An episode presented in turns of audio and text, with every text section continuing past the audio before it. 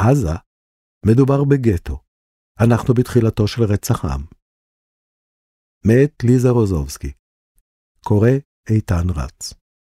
הוקלט באולפני המרכז לתרבות מונגשת מיסודה של הספרייה לעברים. עריכה טכנית, אלעד לוין. בדצמבר האחרון מצאה את עצמה משה גסן, אינטלקטואלית אמריקאית רוסייה ממוצא יהודי, שמגדירה עצמה כאישיות א-בינארית, ולבקשתה, ההתייחסות אליה כאן תהיה תחילה בלשון נקבה, ולאחר מכן בלשון זכר, במרכזן של שתי סערות פוליטיות ציבוריות. הראשונה הייתה כאשר בית המשפט במוסקבה הכריז עליה כמבוקשת, בעוון הפצת מידע כוזב על הצבא הרוסי. לאחר שדיברה בריאיון על פשעים שביצע צבא רוסיה בעיר בוצ'ה שבאוקראינה. הסערה השנייה התחוללה כאשר קרן היינריך בל פרשה מהטקס שבו הייתה אמורה גסן לקבל את הפרס על שם חנה ארנדט, משום שבמסע שכותרתה בצל השואה, היא השוותה בין רצועת עזה לגטאות היהודיים באירופה תחת הכיבוש הגרמני. בסופו של דבר הפרס הוענק בטקס מצומצם ללא הנהלת הקרן. מאז המקרים הללו נתונה גסן להתקפות חריפות בתקשורת וברשתות החברתיות, אבל אין מדובר בעניין חדש.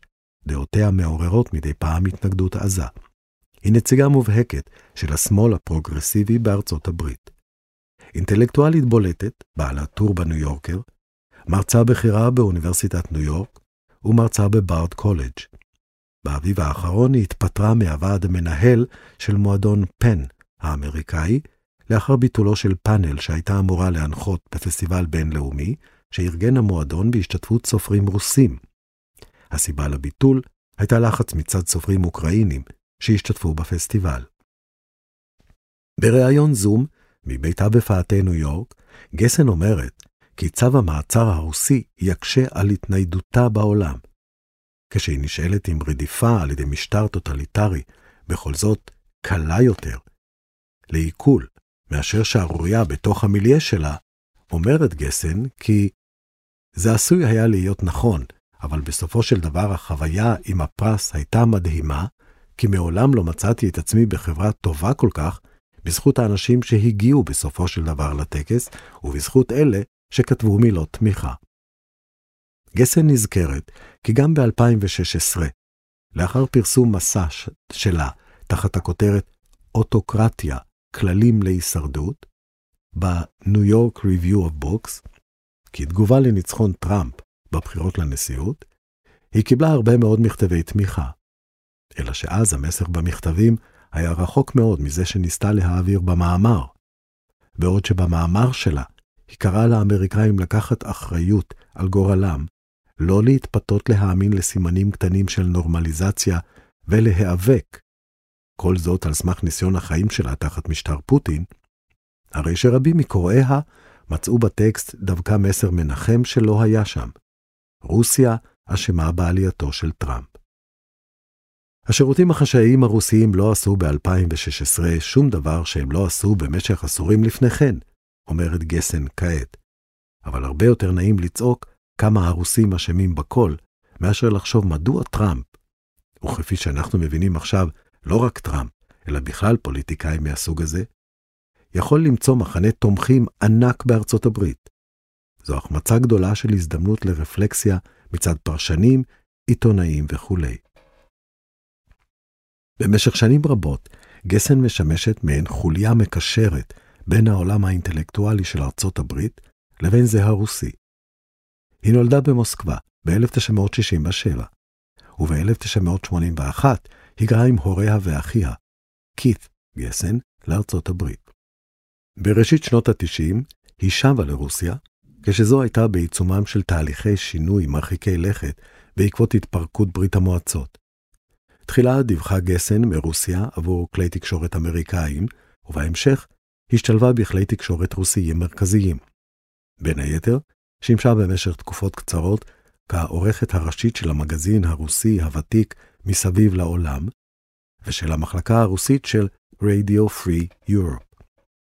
היא סיקרה את שתי המלחמות בצ'צ'ניה ואת המלחמה ביוגוסלביה, ובשנתיים האחרונות היא עוקבת מקרוב אחר המלחמה באוקראינה. לצד עבודתה העיתונאית, פרסמה גסן ספרים בשלל נושאים, בין הבולטים שבהם ביוגרפיה נוקבת של ולדימיר פוטין, האיש ללא פנים. ראה אור בעברית בתרגומה של מיכל קירזנר אפלבוים, הוצאת ידיעות ספרים. והעתיד הוא היסטוריה, איך הטוטליטריזם ניכס את רוסיה מחדש. הספר אסתר ורוזיה, איך הסבתות שלי שרדו את המלחמה של היטלר ואת השלום של סטלין, המגולל את הסאגה המשפחתית-יהודית של גסן במאה ה-20 המדממת, זכה גם הוא לשבחים. לאורך שנות חייה ברוסיה, הייתה גסן גם פעילה מרכזית בתנועת הלהט"ב במדינה. יש לה בן בכור מאומץ, בת ביולוגית, ובן צעיר שנולד לבת זוגה מתרומת זרע של אחיה של גסן.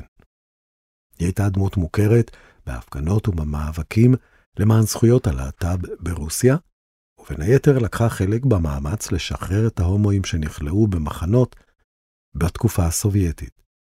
בחלוף שני עשורים ברוסיה, נאלצו גסן ובני משפחתה לעזוב שוב את המדינה, משום שהלהט"בים שוב הוצאו אל מחוץ לחוק. כך הפכה גסן ב-2013 למהגרת, בפעם השלישית בחייה. ב-2005 עברה גסן כריתת שדיים, ובהמשך גם שחלות, החלטה שקיבלה לאחר שגילתה כי מוטציה גנטית, שהפכה אותה מועדת ללקות בסרטן. היא הקדישה לכך ספר, ושמו Blood Matters, כחמש שנים לפני שאנג'לינה ג'ולי עשתה דבר דומה. בעקבות הניתוחים נאלצה גסן לקבל טיפול הורמונלי, ולאחר שניסתה תוספות של הורמונים נשיים, הבינה שהיא מעדיפה לקבל טסטוסטרון. בשנים האחרונות החלה כאמור להגדיר את עצמה כאישיות א-בינארית. גסן מספרת כי ב-1981, כנערה בת 14, הייתה מאוכזבת מהחלטת הוריה להגר לארצות הברית במקום לעלות לישראל, וכעבור כשנה עשתה ניסיון לעבור לישראל בגפה. היא גרה אצל חברים וקרובים ושהתה כאן כחודשיים. זאת הייתה חוויה נוראה למדי, היא מסכמת. כלומר, חלק מהחוויה היה נהדר, יש המון שמש ויופי, ומסיבות הגייז בתל אביב היו הרבה יותר טובות מאשר בבוסטון. אבל כמה תקריות קשות פגמו ברושם הטוב. בין היתר, נסיעות באוטובוסים לצד ידיד ישראלי חדש. משפחתו הייתה מלוב, הוא היה די כהה, והנסיעות איתו היו הלם עבורי. לא שאמריקה לא הייתה גזענית, אבל ב-1982 אף אחד שם כבר לא היה יכול להעיר הערות גזעניות כשאדם נכנס לאוטובוס. זה לא היה עולה על הדעת. בישראל זה קרה כל הזמן. זה היה מפלצתי. הייתה עוד תקרית שממש הפילה אותי. חברה של סבא שלי לקחה אותי לים. על שפת המים עמד נער ערבי, בערך בגילי, ולפתע הפנים של האישה הזאת התעוותו לגמרי והיא אמרה, איך האדמה בכלל נושאת אותם? גסן מסייגת ואומרת שהיא מבינה כי הייתה יכולה גם שלא להיתקל בביטויים בוטים של גזענות בביקור בין כמה שבועות בישראל. אבל לדבריה, בעקבות המקרים הללו, החליטה לא להישאר בארץ וחזרה לארצות הברית. כשהיא נשאלת מדוע ישראל בכל זאת חשובה לה, גסן מעריכה בדיבור אודות חשיבותה של היהדות בחייה. זיכרון השואה שעבר אליה דרך סיפורי סבתה, והאפליה כלפי יהודים בברית המועצות שהספיקה לחוש על בשרה. היא הספיקה גם להשתתף במפגשים יהודיים מחתרתיים, שבהם שרה שירים בעברית. לאחר מכן היא אומרת בקצרה, עבורי כילדה שגדלה בברית המועצות בשנות ה-70, המחשבה על קיומה של מדינת ישראל הייתה קרש הצלה. אני רוצה שישראל תמשיך להתקיים. אני רוצה שהיא תתקיים בצורה שתגרום לי לרצות לאהוב ולכבד אותה. החוויות האנטישמיות שחוותה גסן לא מונעות ממנה לחשוב שלפעמים הטענות על אנטישמיות הן לא יותר מקרדום לחפור בו. כך למשל, במקרה של השימוע שנערך בדצמבר לנשיאות אוניברסיטאות העילית בארצות הברית, שלא הגיבו על התבטאויות אנטישמיות של סטודנטים. לאחר השימוע, ובין היתר על רקע הלחץ הציבורי שנוצר בעקבותיו, התפטרו שתיים מהנשיאות. נשיאת הרווארד, קלודין גיי, הניחה את המפתחות רק בשבוע שעבר. השימוע היה מחזה מזעזע, אומרת גסן בגיחוך. האוניברסיטאות הליברליות הגדולות הן ללא ספק האויב מספר אחת של חברי המפלגה הרפובליקאית, והנה נקרתה בפני המפלגה אפשרות נהדרת להטיל בהן קלון פומבי. לצורך זה, הם משתמשים באופן ציני באנטישמיות. יכול מאוד להיות שחברת הקונגרס אליס סטפניק, שתקפה את הנשיאות בשימוע, הייתה מניפולטיבית, אבל הן לא אמרו במפורש שאין מקום בקמפוס להתבטאויות אנטישמיות. הם לא יכלו להשיב בצורה טובה יותר לשאלותיה? הן כנראה יכלו להתבטא טוב יותר, אבל מלכודת הוטמנה בצורה כל כך מיומנת, שלא היו להן אופציות טובות. הן כמובן יכלו לנהוג אחרת לפני שזה הגיע לשימוע. במיוחד הנסיעה של הרווארד, היה לה חלון הזדמנויות. את מתכוונת למכתב של אגודת הסטודנטים, שהטיל על ישראל את מלוא האחריות להתקפת 7 באוקטובר? כן. המכתב הזה היה כל כך מפלצתי. ברגע שהוא הופץ בכלי התקשורת, היא הייתה יכולה לומר, אני רוצה לומר שסטודנטים יכולים לומר מה שהם רוצים, אבל זה לא מייצג את דעת האוניברסיטה, את הנהלתה, את מועצת המנהלים שלה ואת רוב הסטודנטים. היא לא עשתה את זה. אני מתארת לעצמי שהיא לא הבינה את גודל השערורייה, וזה גם נדיר שנשיאת אוניברסיטה תגיב להתבטאות של סטודנטים. הסף לדבר כזה הוא מאוד גבוה. אני חושבת שלא היה לה זמן להעמיק או לקבל החלטה חשובה ויוצאת דופן שכזאת, ואז סטפניק קפצה להזדמנות. את לא חושבת שהיחס הסלחני כלפי התבטאויות הסטודנטים נובע מהעמדות הפרו-פלסטיניות באוניברסיטאות האמריקאיות? השאלה שלך מוכיחה עד כמה מוצלח קמפיין שהפלג הימני ביותר של המפלגה הרפובליקאית עורך נגד האוניברסיטאות. ראשית, יש הבדל ענק בין מרצה לסטודנט. כדי שסטודנט יודח מאוניברסיטה, הוא צריך פחות או יותר לראות בבני כיתתו. בפועל, לפחות בכמה מקרים דווח כי סטודנטים הושעו או הודחו מאוניברסיטאות בארצות הברית עקב הצקות על רקע גזעני או כתיבת פוסטים גזעניים ואלימים ברשת. מעבר לזה, הוא לא יודח על שום דבר, לא על כינויי גוף, לא על העלבה, לא על קריאת מיינקאמפ בקול רם, לא על קריאת מאו צטונג בקול רם, על שום דבר. הדרישות ממרצים כמובן שונות מאוד, אבל אפילו לפטר מרצה על התבטאויות גזעניות אי אפשר. חוץ מזה, נסי לחיות רבע שעה בדירה שלי, ותביני כמה הטענה על עמדות פרו-פלסטיניות היא הזויה. למזלי, אני ואשתי חולקות דעות זהות, אבל בעקבות הטור שלי, ודברים דומים שאמרנו קודם, נותרנו ללא כמחצית מהקרובים והחברים שלנו. וזה, למרות שהקהילה שלנו היא החלק השמאלני-ליברלי ביותר בקרב הקהילה היהודית האמריקאית. אם אפשר לכנות את עמדתי פרו-פלסטינית, אז היא במיעוט מזערי בתוך הקהילה הזאת. אבל את מסכימה שיש התגברות של אנטישמיות באוניברסיטאות?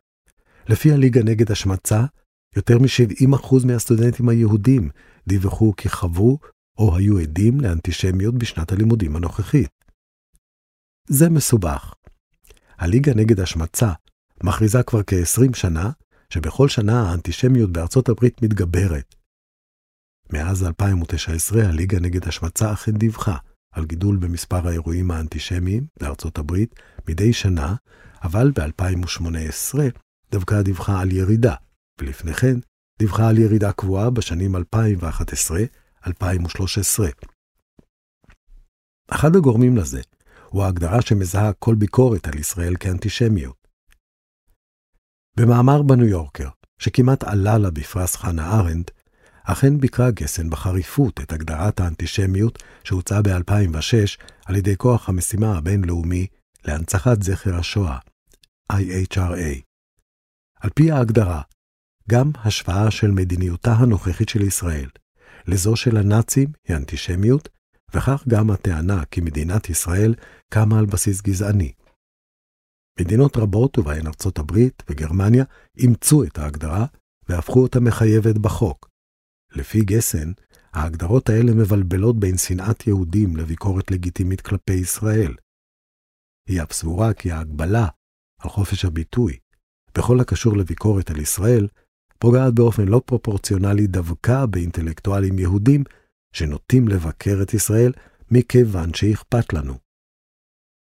גסן מעולם לא היה בעזה, אבל ביקר בישראל ובגדה המערבית פעמים רבות. הוא מתכוון להקדיש לישראל חלק מספר שהוא עובד עליו.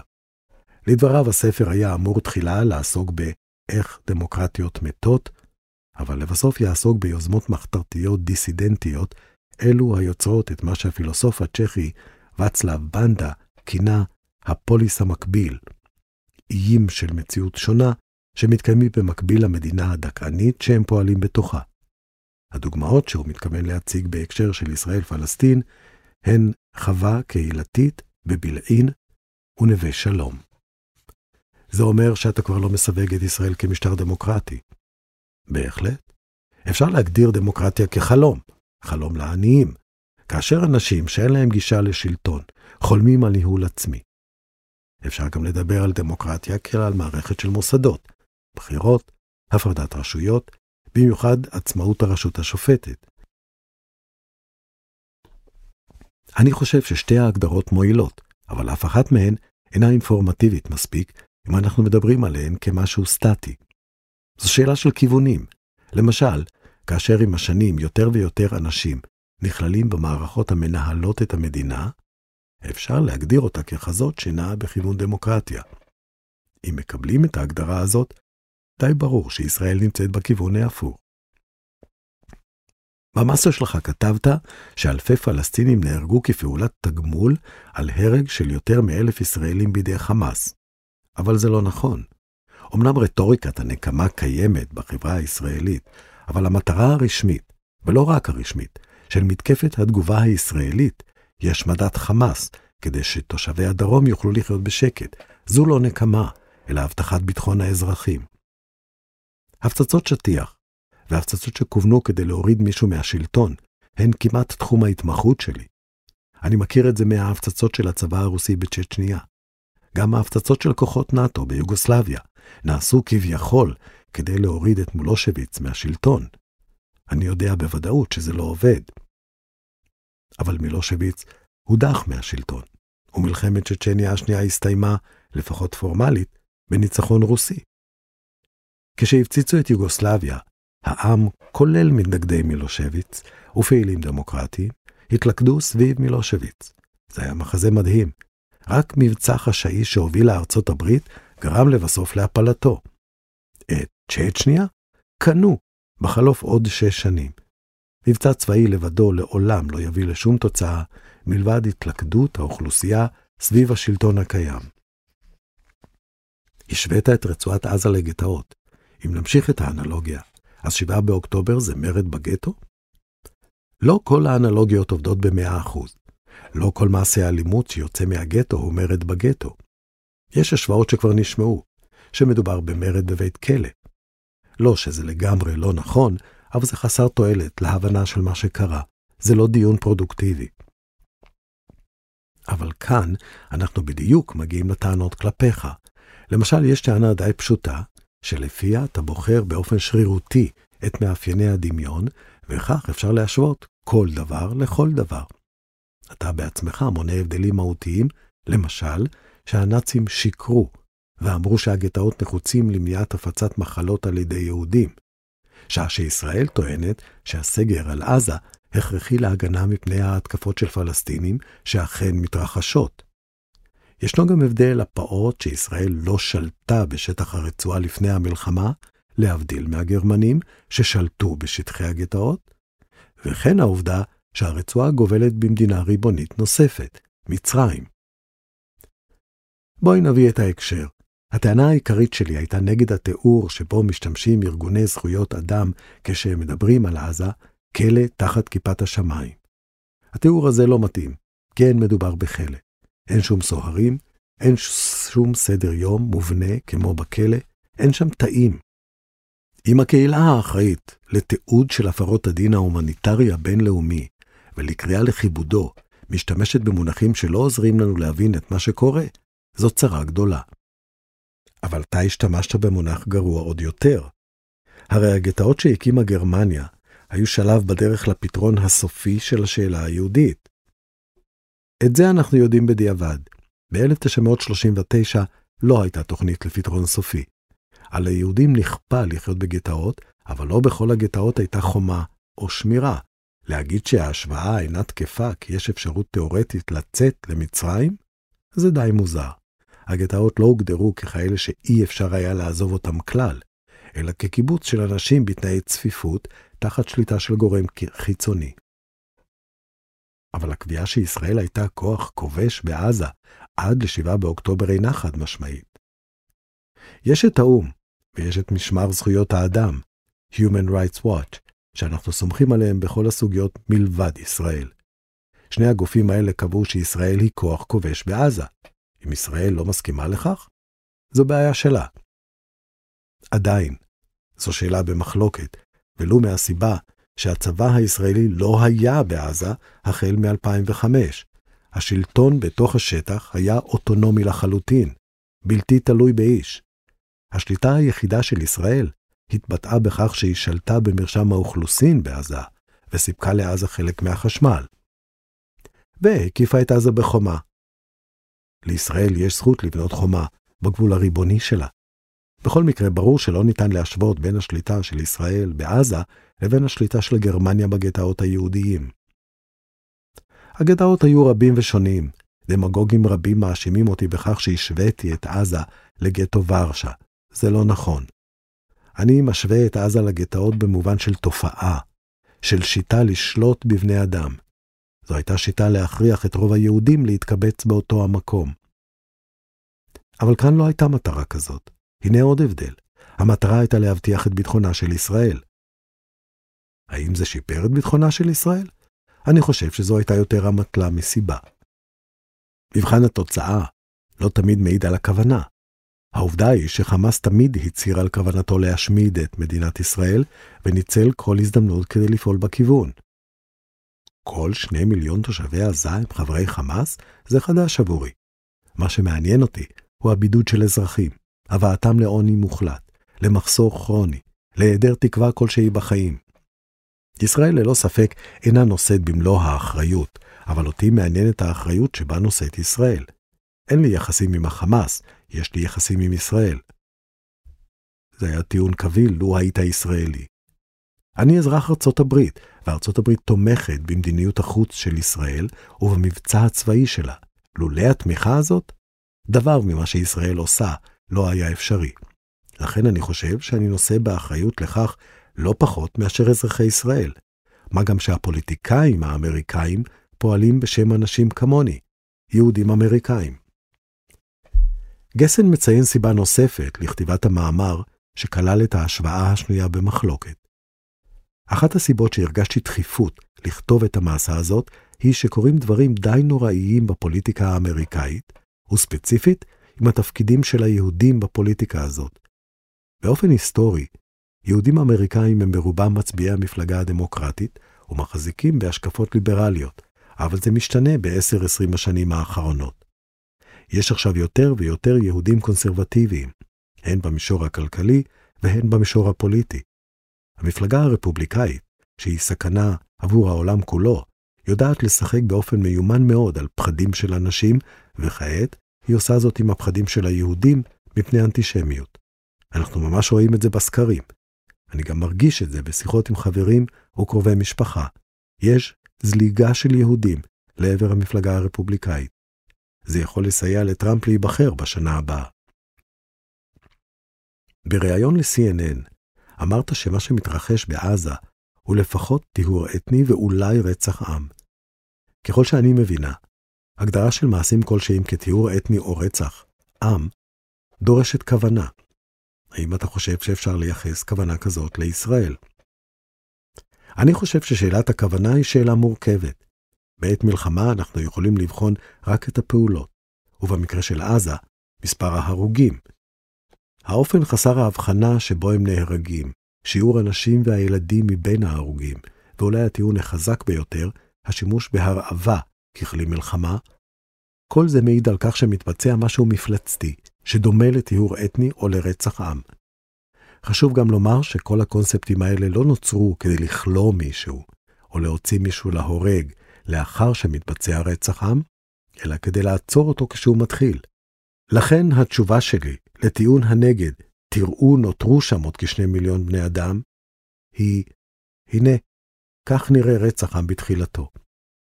אם בכל זאת נעמיד את עניין הכוונה במרכז, האם אתה חושב שאפשר לסווג את מתקפת חמאס ב-7 באוקטובר כרצח עם? אני חושב שאי אפשר לסווג אותה כרצח עם, משום שלחמאס לא היה כוח מספיק כדי לבצע רצח עם של העם היהודי. אני חושב שאלה היו פשעים מפלצתיים נגד האנושות, כנראה עם כוונת רצח עם. אבל אם לישראל לא הייתה כיפת ברזל, היו פה הרבה יותר קורבנות. אם חמאס היה מפנה אזרחים חפים מפשע, אז בעזה היו הרבה פחות קורבנות. מכאן יוצא שהציר העיקרי שסביבו הכל סובב הוא חולשה מול כוח.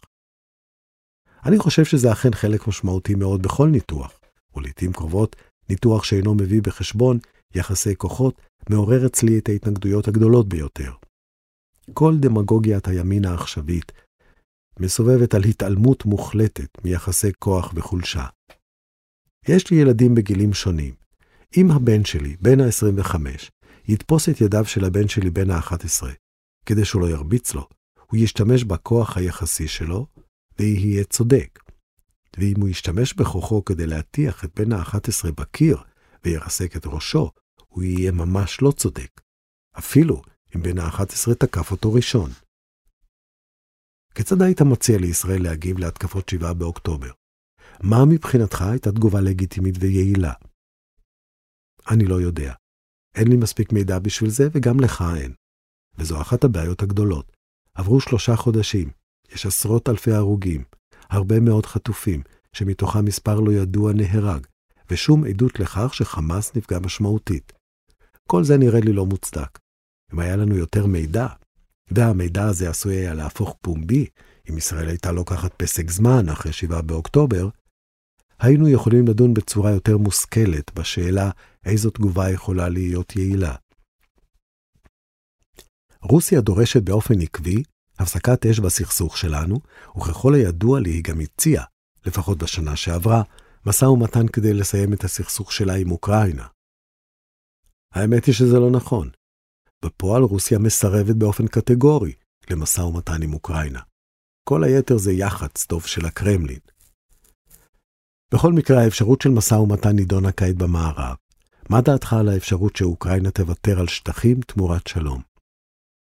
קשה לי מאוד להשיב לשאלה הזאת, כי במקרה הזה אני אכן לא אזרח אוקראינה, ואין לי שום זכות לשפוט, מה גם שעדיין יש ברשותי דרכון רוסי. נדמה לי שאין לי זכות מוסרית לומר שמוטב לאוקראינה לוותר על השטחים שנכבשו ממנה. אבל זה ככל הנראה ימנע את מותם של עשרות אלפי בני אדם. והמסר שלך בנוגע לישראל הוא בדיוק זה, הפסיקו להרוג בני אדם. אבל את שואלת אותי מה אני יכול להגיד לאוקראינה, ולא לרוסיה. הייתי יכול להגיד לרוסיה, תפסיקו להרוג אנשים. אבל לו הייתי זלנסקי, היה לי קשה מאוד לקבל החלטה כזאת, משום שהוא יצטרך לומר לאזרחי אוקראינה בואו, על מנת להציל את מי שנמצאים כעת בביטחון יחסי, נמסור לידי הכובשים מיליוני אנשים שהם מענים, הורגים ומתעללים בהם. למרות זאת, אני חושב שבשלב הזה, אם האפשרות הזו הייתה מוצעת לזלנסקי, והיא לא מוצעת לו, הוא היה מקבל אותה. זה כנראה היה סוף הקריירה הפוליטית שלו, אבל הוא היה מקבל אותה. ויש פה עניין נוסף. כולם ללא יוצא מן הכלל באוקראינה מבינים שכל הסכם שלום עם רוסיה יהיה זמני. גם אם נניח שרוסיה הייתה מקבלת את מה שהיא רוצה עכשיו, וזה כל מה שממזרח לדניפר והעיר אודסה. הרי ששארית החיים של כל האנשים שאני מכיר באוקראינה תעבור בציפייה למלחמה הבאה.